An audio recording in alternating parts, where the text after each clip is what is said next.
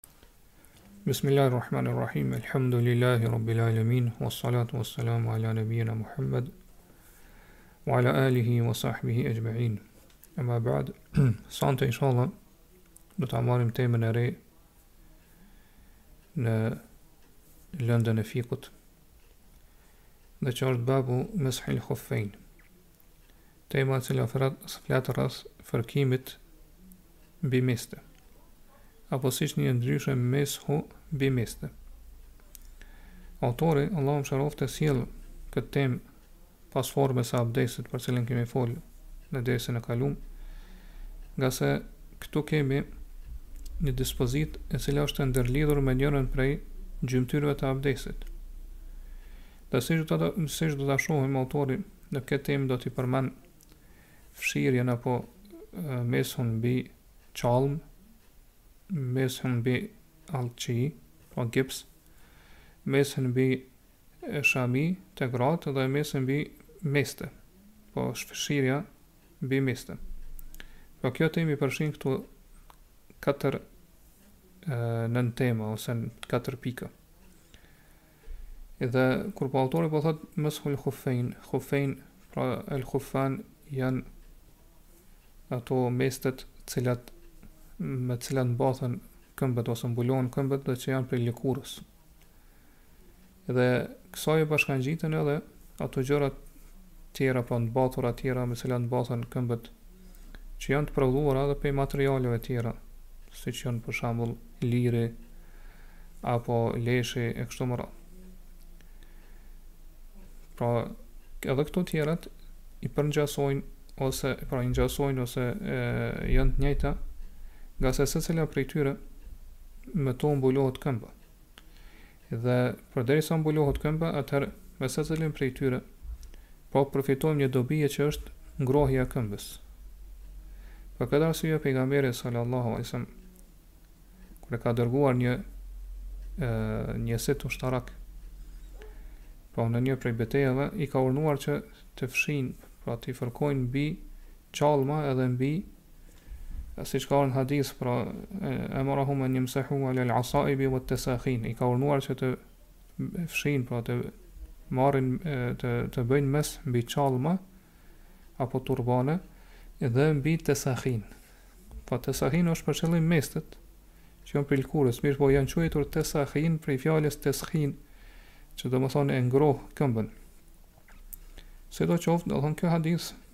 Po dijetarët e kaluar kanë pas mospajtime rreth tij.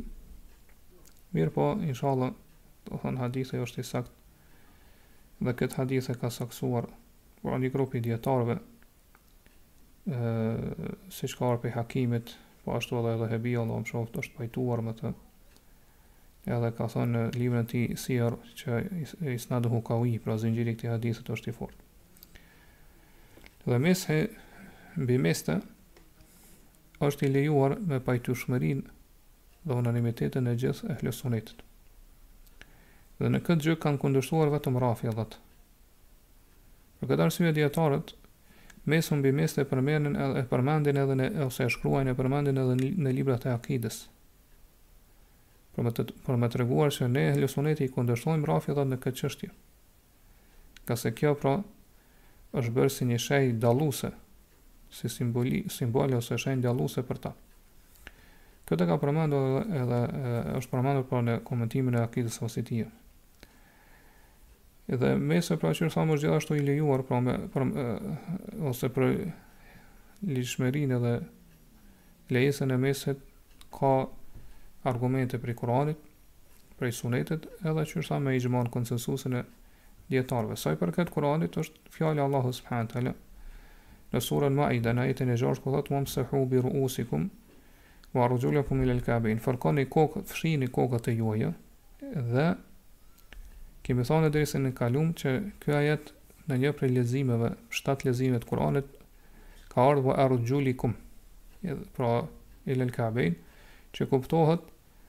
Pra fshini kokat dhe këmbët e juaja deri në nyje. Pra kemi thonë se për qëllim me i fshi këmbët është kur kemi meste. Ndërsa sa i përket sunetit ka argumente të shumta prej haditheve të pejgamberit, pejgamberit sa thonë që tregojnë për këtë gjë. Madje hadithet ku përmendet pra fërkimi dhe fshirja mbi meste janë mutawatir. Po e arrin gradën e hadithit mutawatir. Për këtë arsye njëri prej dijetarëve e ka shkruar pra një një varg poetik ose disa vargje poetike ka thënë mimma tawatara hadithu men kadhab wa man bana lillahi baytan wahtasab prej prej haditheve që kanë ardhur në formë mutawatira është hadithi men kadhab pra për qëllim është ai kush do që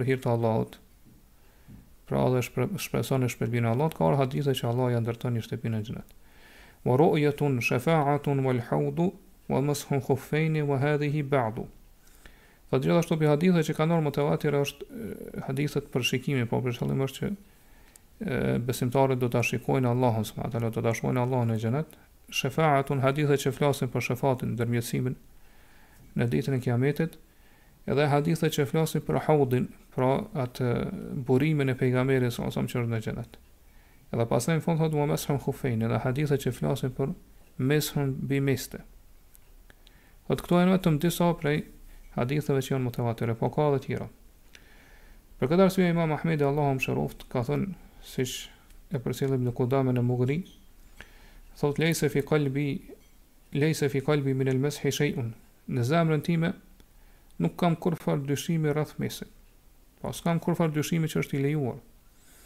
Fihi arbaune hadithën anin nëbiji sallallahu alaihi wasallam. Ngase rreth tij ose për mes'hin janë transmetuar dhe përcjellur 40 hadithe prej pejgamberit sallallahu alaihi wasallam.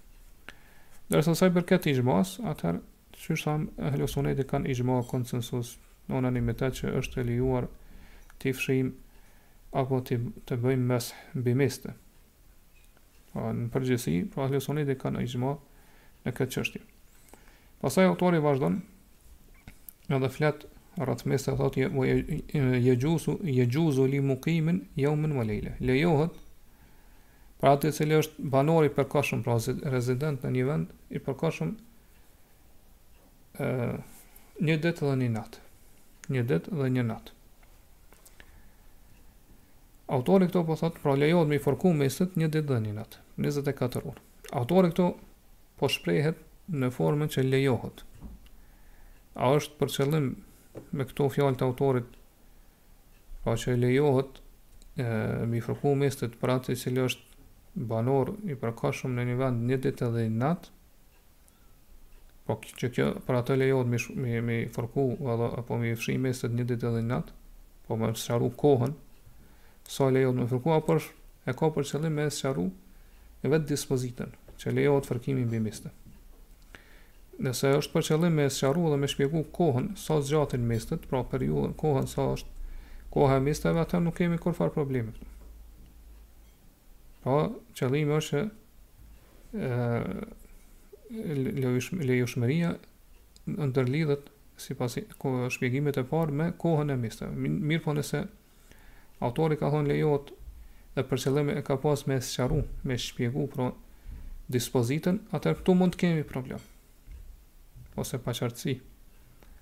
Ngase me i fërku apo me i fshi mestet, për atë i cili ka mestet që veç se i ka mbath, është sunet.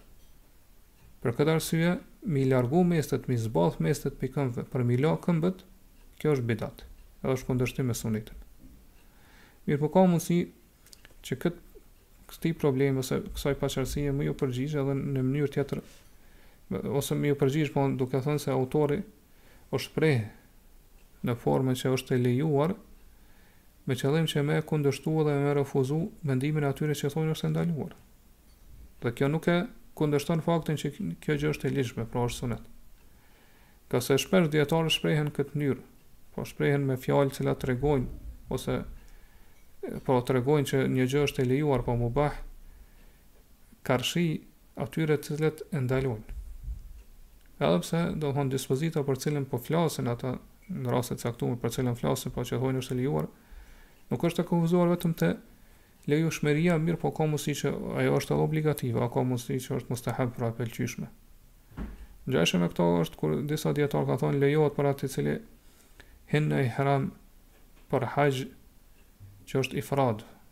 Po haxhi ifrad është haxhi do të thotë që është vetëm do të thotë bën nijet vetëm për haxh, dhe nuk përfshihet umrja. Mirëpo thotë ai që e bën nijet ihram për haxh, edhe është mufrid, pra në këtë formë të haxhit, këtë lloj të haxhit, edhe nuk e merr kurbanin me vete, atëherë i lejohet me e prish këtë haxh. këtë nijet këtë ihram edhe me kthy në umre që pastaj të llogarisë veten që është mutemetti pra haxhi i cili e bashkon umren edhe haxhin brenda një udhëtimi edhe mirëpo që bëhet me dy ihrama, një për haxh, një, një për umre, një për haxh.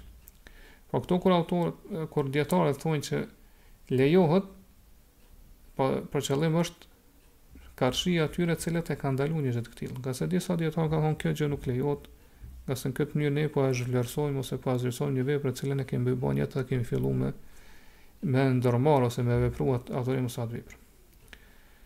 Sido qoftë autori po thotë lejohet për atë i cili është mukim. Mukim kur po thotë këtu banor, atëherë përfshin atë i cili është Mustautin që quhet arab në arabisht ose te dijetarët dhe ai që është mukim. Po mustautin është ai i cili është duke jetuar në një vend të cilin e ka marrë si atdhe të tij.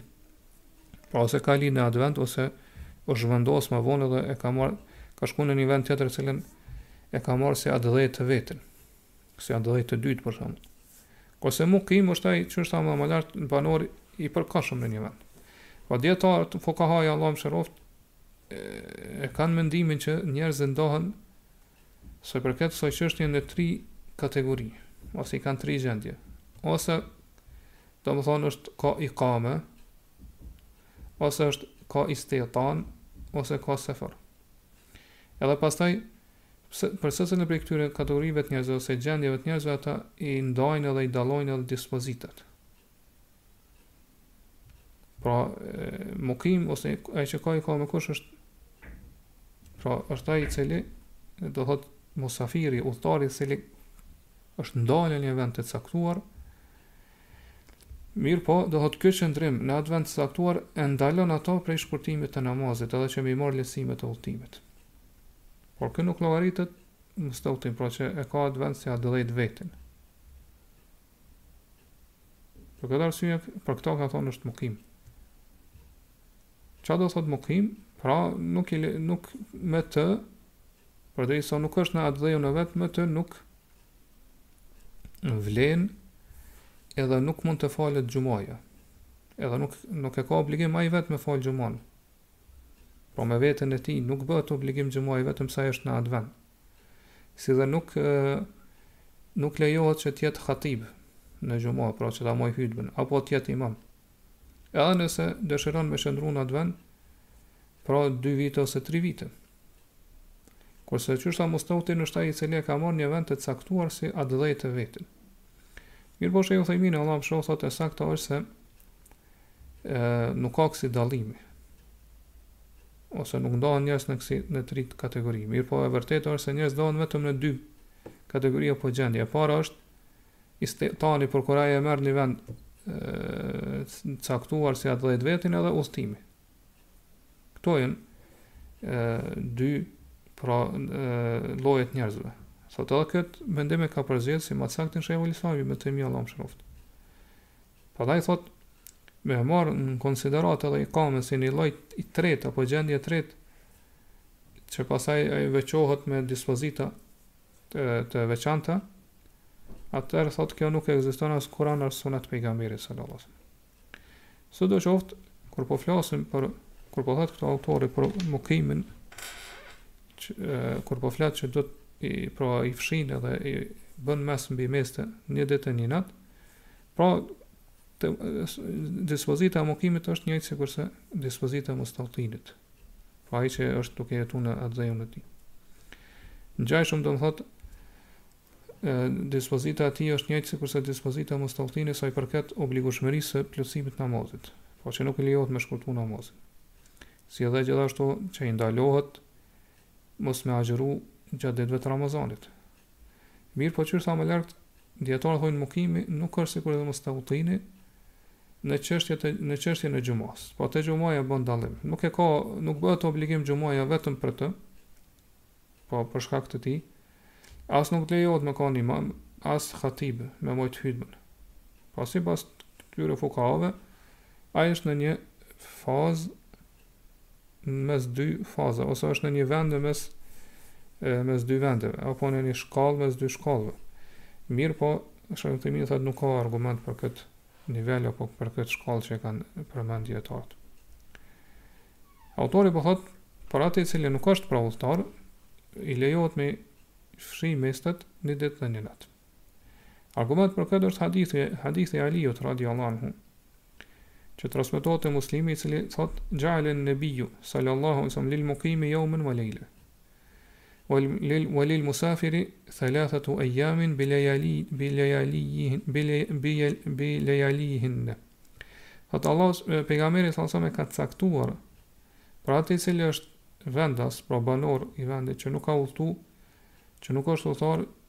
e, mesën, pra një ditë e një natë, m'i fërku dhe m'i fshi mestet një ditë e një natë. Kurse për udhëtarin tri ditë së bashku me netët e tyre. Kjo është pra hadith tekst i qartë, pra i sqaruar dhe i shkoqitur, që na tregon këtë çështje. Pra për këtë arsye autori vazhdon thotë wa li musafirin thalathata thalathatan bilayaliha Kurse udhëtari duhet me i fërku dhe me i fshi mestet ose i lejohet me i fërku dhe me i fshi mestet tri tri ditë dhe tri natë, pra tri ditë së bashku me natët e tyre. Autori Allahu e mëshiroftë këtu kur po e përmend udhëtimin ose udhëtarin po e po, po e përmend në mënyrë të pakufizuar. Po përmend në mënyrë të pakufizuar. Dhe kjo pastaj përfshin si udhëtimin e gjatë sikurse udhëtimin e shkurtë.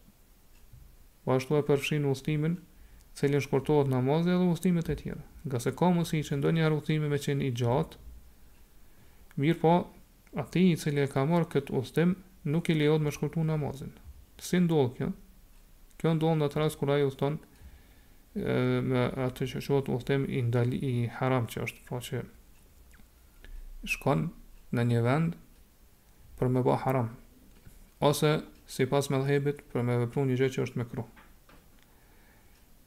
Pra, në kësi raste, personit nuk lejohet m'i marrë lehtësimet e udhëtimit, edhe pse domethënë është udhëtar.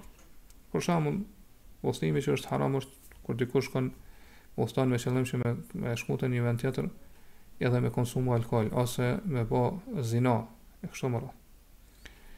Mirëpo, sipas Medhhebit Hanbeli, udhëtimi, që jemi duke folë këtu, edhe pse autori e ka sjellë në mënyrë të përgjithshme, ose të pakufizuar, por qëllim është udhëtimi i kufizuar, pra udhëtimi në të cilin lejohet shkurtimi i namazit. E ndoshta edhe autori Allahu mëshiroftë e ka pas këtë qëllim. Pastaj autori thot min hadathin ba'de lubsin. Po lejohet mi fërku, mi fshi mestet për vendasin një ditë e një natë, për udhëtarin tri ditë e tri netë, prej hadethit të parë, kur e prish abdesin, pasi që i ka mbathur ato, pasi që i ka të mbathur ato, mestet pra. Autori kur po thotë këtu min hadethin prej hadethit, pra prej kur e prish abdesin, kjo prej e tregon fillimin. Pra fillimi i kohës së mesteve, mesteve që ti do të me logarit që të lejohet mi fërku edhe mi fshi mestet, pavarësisht a je pra vendas që i fërkon edhe i fshi një ditë e një natë, apo udhëtar tri ditë e tri netë, pra fillimi i kohës numërohet prej hadethit të parë pasi që ti i ke mbath ato meste. Kjo është medhhebi hanbeli ngase këta thonë, pra, pra dijetarët e medhhebit hanbeli thonë se hadethi, po kur ti e ke prish abdesin, ka qenë shkak që ty ta obligon marrjen e abdesit. Për këtë arsye edhe dispozita e fshirjes mbi meste ndërlidhet me me hadethin, po kur ti e prish abdesin.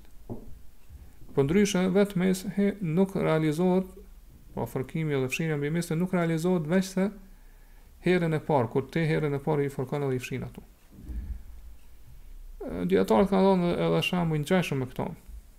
Mirëpo ajo që mund të themi është se Pra, sa i përket fillimit të kohës kur do të numërohet pra koha e mesteve, që thamë një ditë e një natë ose tri ditë e tri netë, kjo këtu ndërlidhen tri, tri gjëra, ose tri gjendje.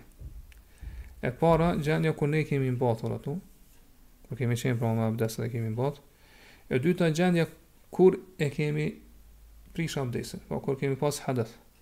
Edhe e treta, gjendja kur i kemi fërku edhe kemi fshi herën e parë. Sa i përket gjendjes apo rastit kur ne i kemi mbathur ato, atëherë koha e mesteve nuk fillon prej këtu. Domethënë, për këto ka pajtueshmëri mes krejt dijetarëve të medhhebit hanbeli. Ndërsa sa i përket gjendjes ose rastit kur prishet abdesi, atëherë sipas medhhebit hanbeli që po e përmend edhe autori, kjo është fillimi i kohës së mesteve. Pra prej këtu fillon me numëru kohën e mesteve. Mendimi i dytë në medhheb është se fillimi i kohës së mesteve ë fillon ose koha e mesteve fillon prej atëherë kur ne i fshijmë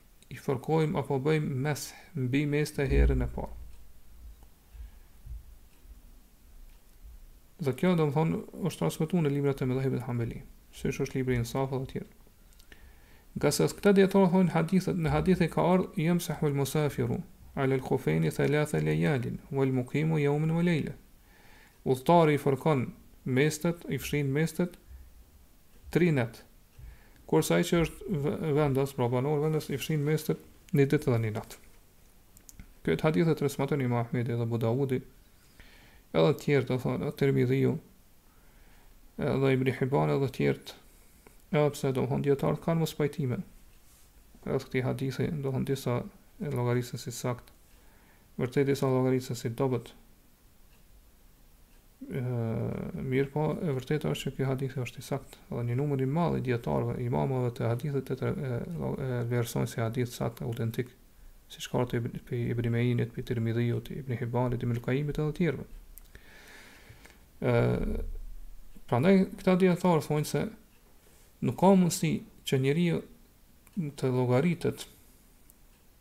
edhe të vlejë për të që ai i ka fshirë apo i ka bërë mes'h mbi meste, vetëm se atëherë kur e vepron herën e parë mes'hin, pra kur e fshin herën e parë.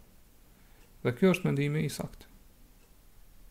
Kjo është mendimi më i saktë. Dhe kë, pra, kët, kët mendim e ndihmon edhe më shumë. Do thotë thënia e dietarëve, vet fukahave Allahu i mëshiroftë, cilët thonë nëse një njeri i mbath mestet e tij duke qenë në vendin e tij, pra mukim siç thamë më lart. Pastaj e prish abdesin. Pastaj udhton. Edhe i fërkon gjatë udhëtimit i fërkon herën e parë ose i fshin herën e parë mestet. Atëherë thot personi i këtill e plotëson Pra kohën e mes e, e mesteve ashtu siç i fërkon ose i fshin musafiri, pra 3 ditë e 3 net. Por kjo tregon se ajo që merret në konsideratë për fillimin e kohës së fshirjes mbi meste është do të thotë hera e parë kur i fshin ato. Pra kjo do thotë është shumë e qartë edhe e, pra e dukshme. Prandaj e saktë është se ajo që merret në konsideratë është pra mes'hi, fshirja e parë mbi meste dhe jo kur ti e ke prish abdesin, pasi që i ke mbathur pra, siç ka thënë autori. Mund ta ilustrojmë këto me një shembull dhe përmes shembujve sqarohet më mirë çështja. Një njeri ka marrë abdes për namaz t'sabahit, edhe i ka mbath mestet e tij. Pastaj nuk e ka prish abdesin deri në ora 9. Pra në kohën e paradites duhas. Pastaj e ka prish abdesin edhe nuk ka marrë abdes. Mirëpo abdes ka marrë në ora 12. Po kur ka ardhur koha e drekës ose për shembull pak para kohës së drekës. Sipas medhhebit, koha e mesteve fillon prej orës së nëntë. Mirëpo siç thamë sipas mendimit t'saktë, koha e mesteve fillon prej orës prej orës 12 dhe vazhdon derisa të vjen e njëjta orë të nesërmen nëse është banor në vendin e tij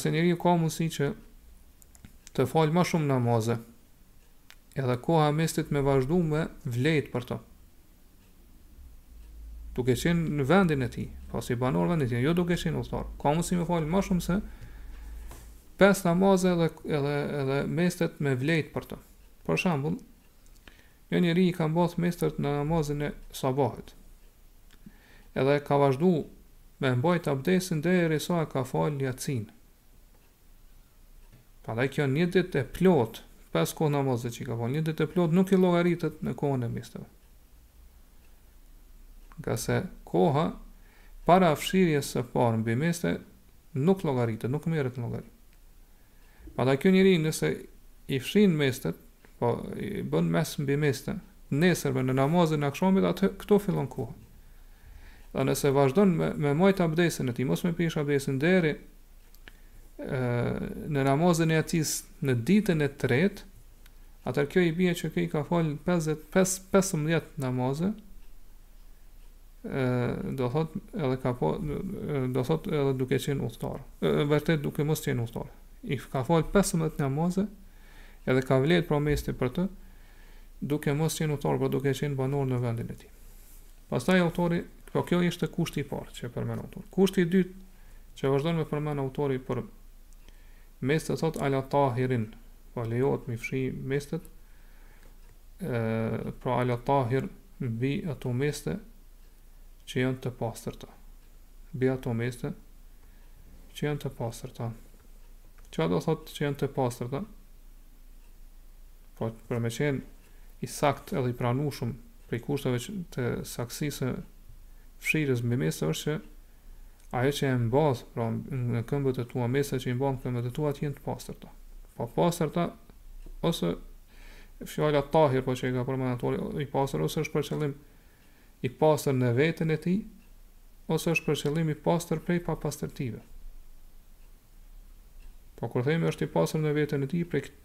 me këto përjashtohen ato gjëra që janë të papastërta në veten e tyre. Mirëpo, nganjëherë është për qëllim pastër që thamë, do thotë një gjë në cilën nuk ka rënë papastërtia, nexhaseti, nuk ka rënë pra ndyrësira. Siç thuhet, ti e ki obligim, pra me e falë namazin me një rrobë të pastërt. Po rrobë të pastër në këtë për qëllim është tahir, pra rrobë në cilën nuk ka, nuk ka rën pa pastërtia. Mirëpo qëllimi me fjalët e autorit këtu, të pastër është e, pra mestat që janë të pastërta ose ajo gjë që ke ke mbath në këmbën tënde me qenë e pastër në veten e saj. Ngase ka prej mestave që janë papastërta në veten e tyre. Siç është për shembull nëse mestat janë të prodhuara prej lëkurës së gomarit të shpisë. Ka prej tyre që janë të pastërta në veten e tyre, mirëpo janë bërë të papastër apo ka rënë një papastërti tjetër mbi to. Po është prek prej papastërtisë. Siç është rasti kur mesti për shembull është prej lëkurës së devës, lëkura e devës, e cila është therë në mënyrë sheriatike të ligjshme, mirëpo do thotë është bërë e papastër me një ndonjë papastërti të jashtme. Po kur mesti është i pastër në veten e tij, ë ose vërtet kur mesti është i papastër në veten e tij, atëherë kjo quhet nexhasetun ajnije, papastërti në veten e saj. Pra në në në qenien e veten e saj. Mirëpo rasti kur është i pastër, por mbi të bie papastërtia, atëherë kjo quhet nexhasetun hukmije, papastërti në vendim, sa i përket dispozitës. Sipas kësaj, e kuptojna që lejohet mi dhanë mesh në mesti, pra me fshi ne me me me i fshi mestet, të cilat janë të pastërta në veten e tyre, mirëpo ka rënë në to papastërtia. Pra lejohet me me i fërku, mirëpo nuk lejohet mu falë me to. Ngase siç e dimë është kusht për namaz që, do thotë, njeriu m'i largu papastërtitë prej rrobave të tij. Mirëpo çfarë dobi e kemi nëse ne i fshijmë mestet e, cilat janë bërë të papastërta, po ka rënë papastërtia në to? Kjo është për shembull që mundum me me me përdor këtë to mesa dhe me kur të marrëm abdes, me me fshi. Edhe që në mënyrë që përmes këtij abdesi me na u bërë e lejuar me prek mushafin, Po te ata dijetar të cilët e kushtëzojnë ose e bëjnë obligim që për me prek mushafin me, me qenë i pastër me abdes. Ngase te këta dijetarë po nuk është kusht që për me prek mushafin që ti të jesh i pasër pra rrobat e tua dhe trupi yt të jetë i pasër prej nexhaseteve, prej ndyrësirave. Mirëpo duhet të jesh i pastër prej hadesit, pra të kesh abdes, mos ta kesh mos të jesh prej atyre që e ka abdesin e prishur.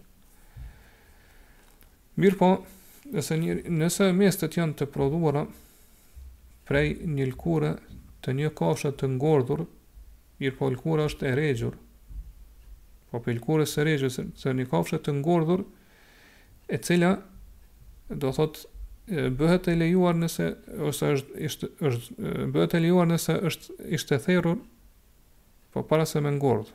Po për shembull dele ose deve ose lopë kështu me radhë. Ka ngordhur edhe është regjë lëkura e saj. A lejohet me i fshi këto mestet që janë të prodhuara prej kësaj lëkurës së kësaj kafshe, përderisa është regjur lëkura e tyre? Kjo është sipas e mospajtimit ose hilafit që kemi përmend kur kemi folë për këtë çështje më herët. Nëse themi që e do thotë lëkura nuk regjet, lëkura e regjur n'këtë rast nuk pastrohet, si sipas medhhebit, atëherë nuk lejohet edhe me fshi meste që janë prodhuar prej kësaj lëkure. Mirëpo nëse themi se kjo lëkurë është pastruar, është bërë e pastër përmes regjes, atëherë lejohet me bë mes-h, pra me me fshi këto meste. Ë arsyeja pse është kushtëzuar pastërtia në meste, pra që ato të jenë të pastërta në veten e tyre, është se nëse ne i fshim, po bëjmë mes-h mbi meste të cilat pa të cilat papastërtinë e kanë në veten e tyre, atëherë kjo atyre ia shton edhe më shumë papastërtinë. Madje vetë dora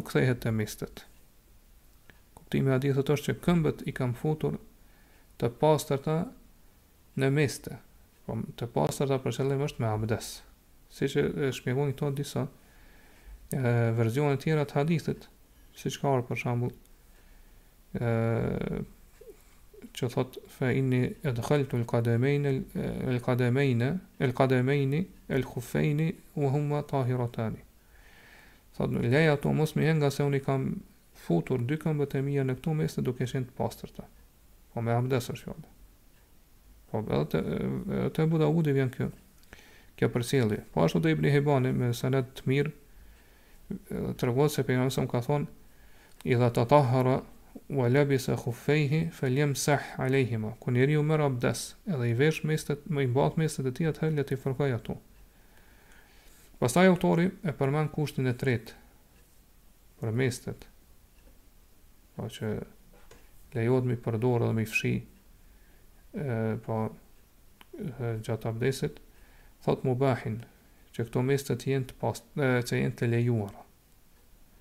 Po me këto të lejuara, e përjashton atë që është haram, që është e ndaluar. Dhe e ndaluara, mestet e ndaluara në këtë rast janë dy lloje. Të ndaluara, e para pra mestet e ndaluara për shkak të fitimit, pra që janë fituar në mënyrë të ndaluar, siç është rasti kur ti ia ke marrë dhunshëm dikujt ose ia ke vjedhë. Edhe e dyta është që është e ndaluar për shkak që në veten e saj është e ndaluar sheriatikisht. Siç është rasti për shembull i mëndafshit për burrat. Po ashtu kur njeriu për shembull i mbath disa i mbath çorapet në të cilat ka imazhe, pra kjo është e ndaluar. Edhe këtu nuk nuk mund të thuhet ose të thotë dikush që çorapet në të cilat ka imazhe lejohet me i mbath, ngase kjo është një lloj nënçmimi për to. Ngase çorapet Do thotë llogariten prej rrobave, e rrobat të cilat ka imazhe është haram të vishen në në të gjitha rastet ose rrethanat e aspektet. Prandaj për shembull nëse në çorape janë të vizatuar, për shembull është i vizatuar imazhi i luanit apo ndonjë kafshë tjetër e kështu me radhë, nuk lejohet që me i fshi këto meste, po me bo mes'h mbi meste. Pra të gjitha këto të të të gjitha këto ose këto dy lloje të mesteve është haram edhe nuk lejohet që me i fshi gjatë abdesit. Me i fshi mbi to gjatë abdesit. Edhe pse për këto që është thotë është i themi nuk dim që ka ndonjë argument. Mirëpo dijetarët këto e kanë arsyetu.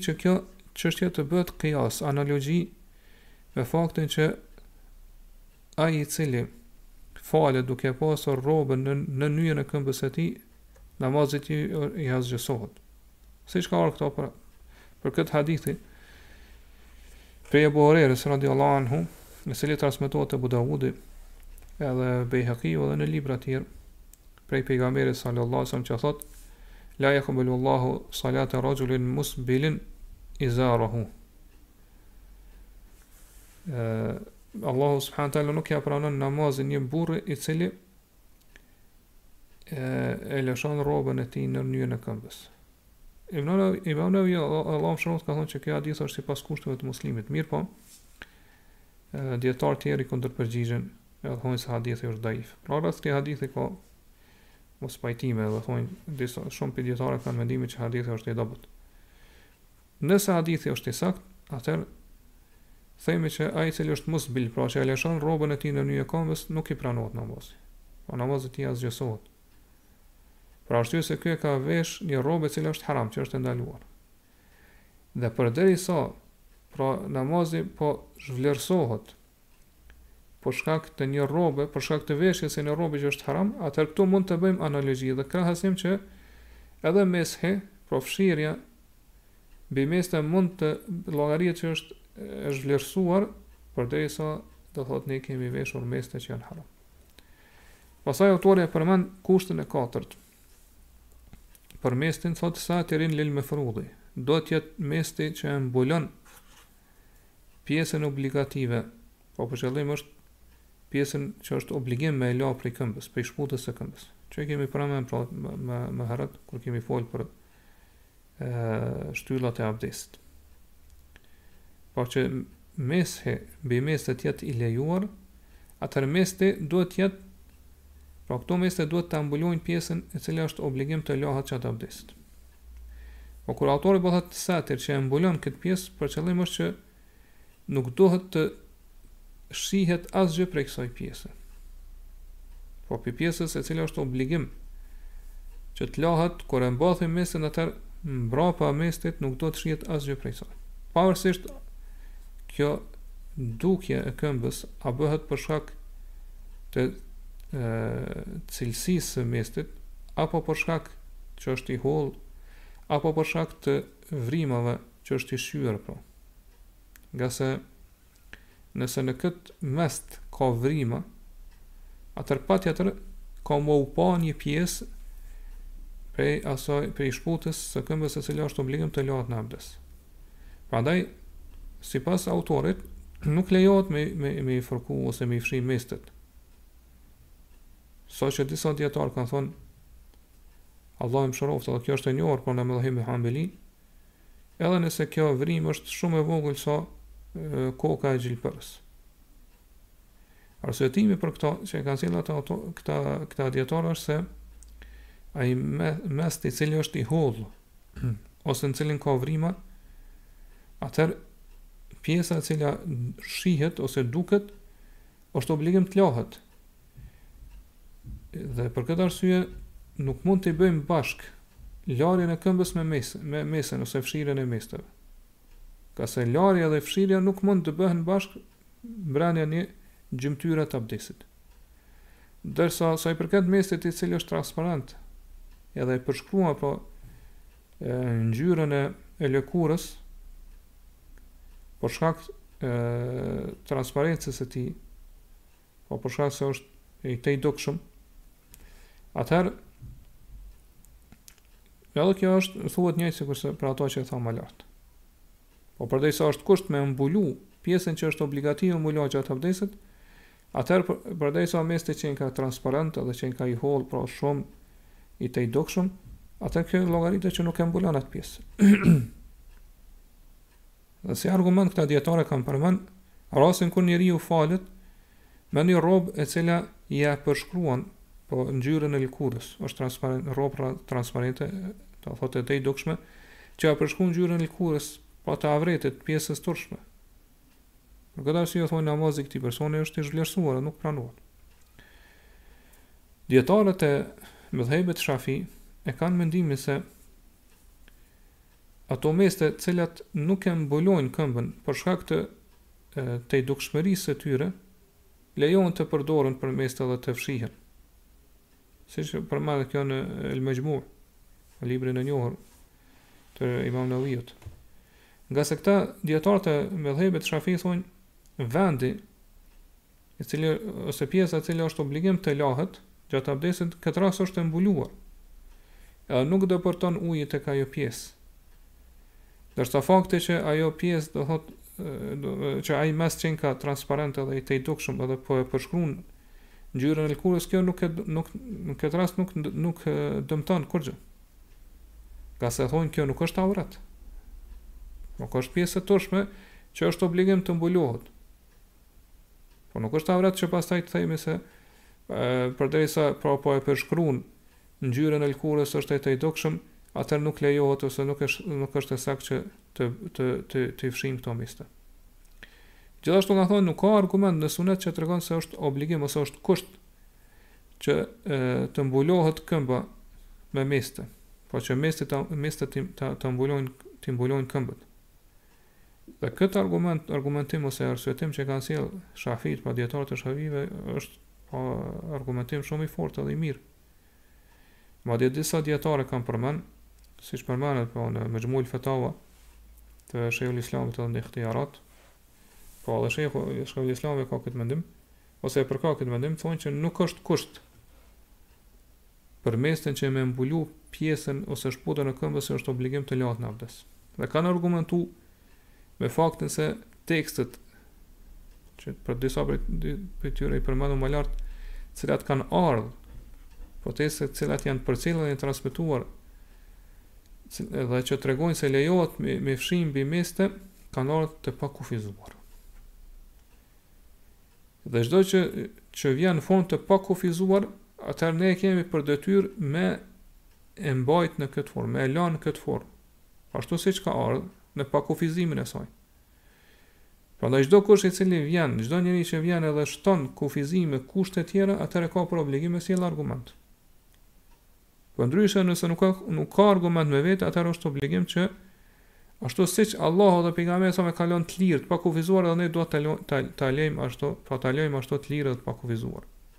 Ndërsa ato gjëra që i ka kufizuar Allahu, që i ka kufizuar Allahu dhe pejgamberi salam atëherë dhe ne e kem për detyrë mi kufizu dhe mi, mi, mi pru si kushte. Po ashtu, shumë prej sahabëve, pra këta dijetarë vazhdojnë dhe argumentojnë, thonë shumë prej sahabëve kanë qenë të varfër, fukara. Dhe siç e dimë, zakon, është e zakonshme te, ose te shumica e, e fukarave, e të varfërve, mestet e tyre janë të grisura, pra kanë vrima, janë të shqyera, Nëse kjo është e zakonshme te ta ose pra ka qenë e zakonshme te shumica e tyre, te, te shumica e atyre që kanë bashkëjetu me pejgamberin sallallahu alaihi wasallam dhe vetë pejgamberi sallallahu alaihi wasallam nuk ja ka tërheq vrejtjen për këto, atër kjo, kjo tregon se nuk është kusht që mestja me mbulu pra pjesën e cila është obligative, obligative të lahet në abdes. Pra dhe ky është mendimi që ka përzgjedhë Shejhul Islami Dhe sa i përket thënies së tyre që ajo pjesë që shfaqet, që duket dhe që nuk mbulohet prej mes prej prej mestit është obligim mu la. Prandaj nuk mundemi me bo bashkë mes larjes edhe fshirjes. Kjo është e bazume në mendimin e tyre. Pra në, ata së pari e kanë sjellë, pra kushtin edhe mendimin e tyre që patjetër duhet me u mbulu, pra pjesa obligative që është obligim të lahet në abdes, pastaj kanë ardhur me argument të cilin e kanë ndërtu dhe e kanë bazu mbi përzgjedhjen e tyre, mbi mendimin e tyre. Pra kanë argumentu me një pretendim i cili do thotë është i bazuar mbi vet çështjen e cila është e pretenduar. Prandaj ne i pyesim ata kush ka thonë që Ajo pjesë e cila duket dhe shihet prej këmbës është obligim mu la. Përkundrazi, pra ne themi, pra ne që e kemi mendimin e shafive në këtë rast dhe shejhul islamit, e, mesti Nëse vjen në atë formë ashtu siç e ka siç ka ardhur në formë pa kufizuar, siç e ka lënë të pakufizuar suneti, atëherë nëse një pjesë e këmbës, e shputës së këmbës duket dhe shfaqet, nuk është obligim me e la. Përkundrazi, do thotë kjo pjesë e merr dispozitën po e pason mestin edhe fshihet së bashku me mestin. Ndërsa sa i përket fjalës së tyre ose mendimit të tyre që nuk nuk mund të bëhen bashkë fshirja edhe larja në një gjymtyrë të vetme, kjo kundërshtohet ose nuk pranohet kur kemi të bëjmë me allçinë ose me gipsin që kena me fol inshallah në derset e ardhshme. Por nëse allçia është e vendosur në gjysmën e parakrahit, atëherë siç e dimë pra aty ku është e vendosur allçia duhet të fshihet, ndërsa pjesa tjetër që ka mbetë e zbuluar duhet të lahet gjatë abdesit. Prandaj edhe nëse e pranojmë që patjetër duhet mesti me e mbulu, me e mbulu këtë shputën e këmbës, atëherë themi se sipas kësaj, në ato raste kur mesti qenka i shqyer ose i grisur edhe ka vrima, ajo që duket do të lahet, ndërsa ajo që është e mbuluar do të fshihet. Mirëpo kjo nuk mund të ndodhë. Po kjo është një gjë e papranuar dhe të gjithë thonë që kjo është një gjë që do të thotë nuk mund të pranohet. Prandaj ajo që e ka përzgjedhë Shejhul Islami Ibn Tejmije Allahu e mëshiroftë, Pra si mendim është më i sakti, më i peshuari me argumente siç e pamë. Ngase ë zakonisht këto mestet ose gjërat që i mbathin njerëz në këmbët e tyre nuk shpëtojnë prej vrimave, nuk shpëtojnë do thotë prej prej vrimave dhe që nuk shpëtojnë pa qenë të shqyera. Prandaj çysh ka mundësi që ne t'jau vështirësojmë njerëzve edhe t'i obligojmë t'i detyrojmë ata që gjithmonë me mbath meste që janë pa vrima. Pastaj shumica e njerëzve, siç e dimë sot, e, i përdorin dhe mbathin çorapa që janë të holla. Edhe shohin që ka, do thotë ata shohin që kanë dobi shumë të madhe prej këtyre çorapave, ngase për, prej përmes tyre do thotë arrihet ngrohja e këmbës. E më, më fillim derisa te, po e pamë që pejgamberi sa sa pra kur e ka dërguar njësitë ushtarake edhe ata kanë filluar me ndje ftoht kur janë kthyer te pejgamberi i ka urdhëruar që herat tjera me fërku pra kanë pa ka ka qenë dimër ose ftoht edhe ka urdhëruar pejgamberi që me fërku mbi çalmat e tyre dhe edhe mbi tesahin ç'thamë më lart po mbi meste Po mestet u qun tesahin ngase qëllimi i tyre është me ngroh këmbën. Edhe ngrohja këmbës arrihet me çdo gjë tjetër me cilën mbulohet këmba, edhe me këto çorapa të cilat sot i mbathin njerëzit. Prandaj ky kusht, siç po e shohim, ka mospajtime mes dijetarëve, mirëpo e sakta është që nuk do të merret në konsideratë, nuk do të merret parasysh. Autori pastaj e sjell pra kushtin e pestë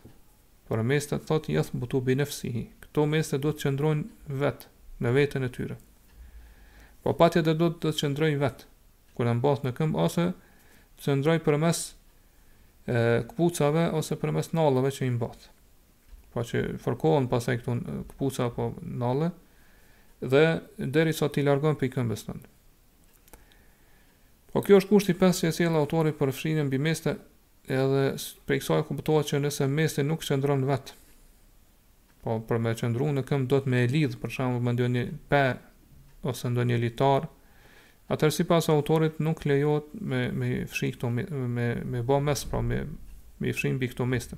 Kjo është me edhe medhhebi i hanbelive. Pra nëse supozojmë ose marrim e paramendojmë një njeri i cili e ka këmbën shumë të vogël, edhe ka vesh një mest i cili është shumë i gjerë, shumë i madh. Mirpo, për me qëndru në këmbën e tij ai duhet me e lidh me ndonjë pe ose ndonjë litar, mënyrë që me pas mundësi mos me u zbathë. Atëherë sipas medhhebit ky mes'h po fshirja mbi këtë mest nuk është e saktë dhe nuk pranohet. Mirpo e vërteta është që ky mes'h pranohet dhe është i saktë.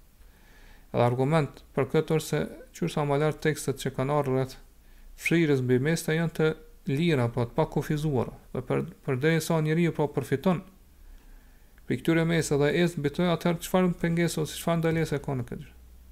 Prandaj nuk ka nuk ka argument për me thënë që për, për me thënë ose me sjell si kusht këtë që është e ndaluar ose nuk lejohet e me fshi atë me fshi me bë fshirje mbi ato meste që e, pra nuk qëndrojnë vet.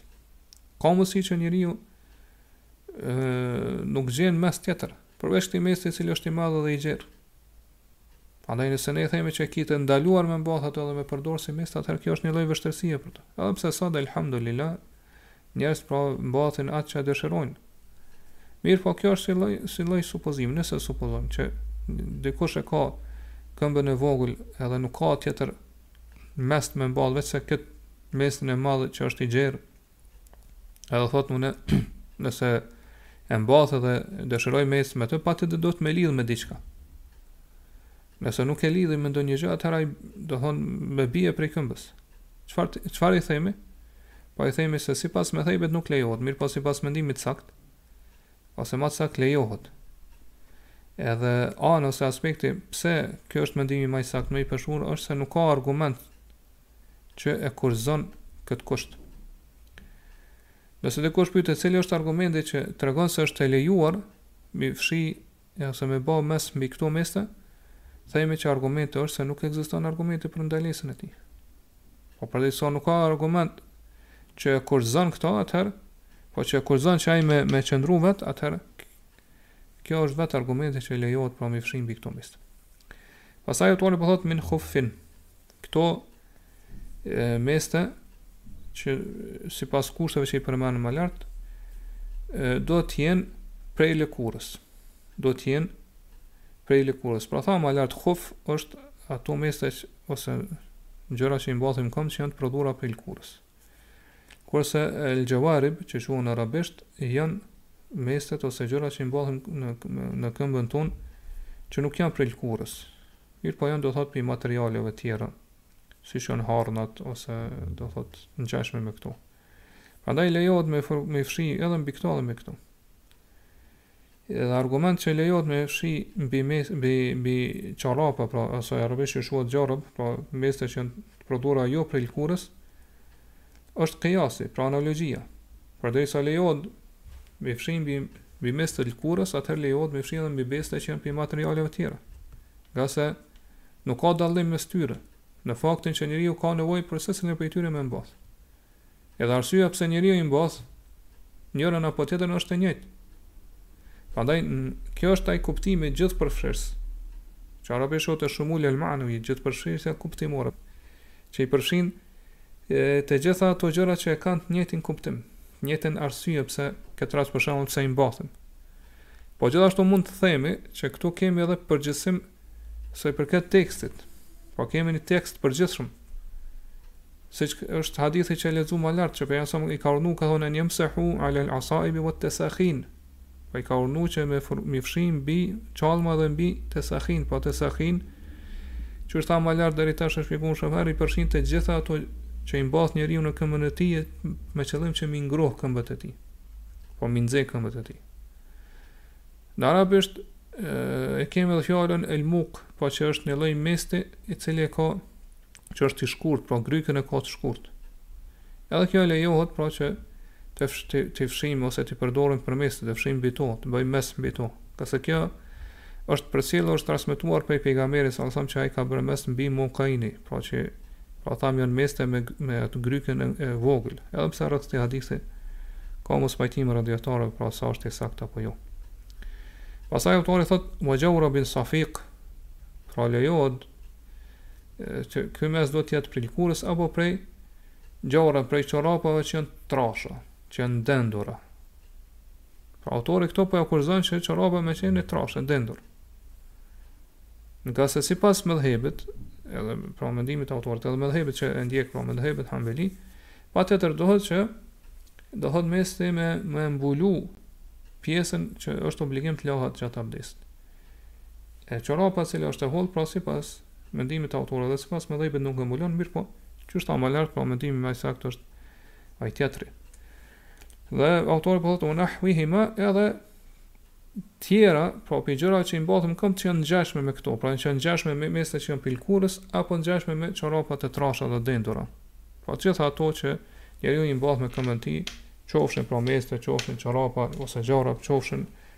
Kjo që e lexum e lexum ma lart që është muk, pra që ka ardhur në gjuhën arabe, edhe tjera, pra mbi gjitha këto lejohet me me me i fërku dhe me i dhon mes, ngase do thotë arsyeja është e njëjtë.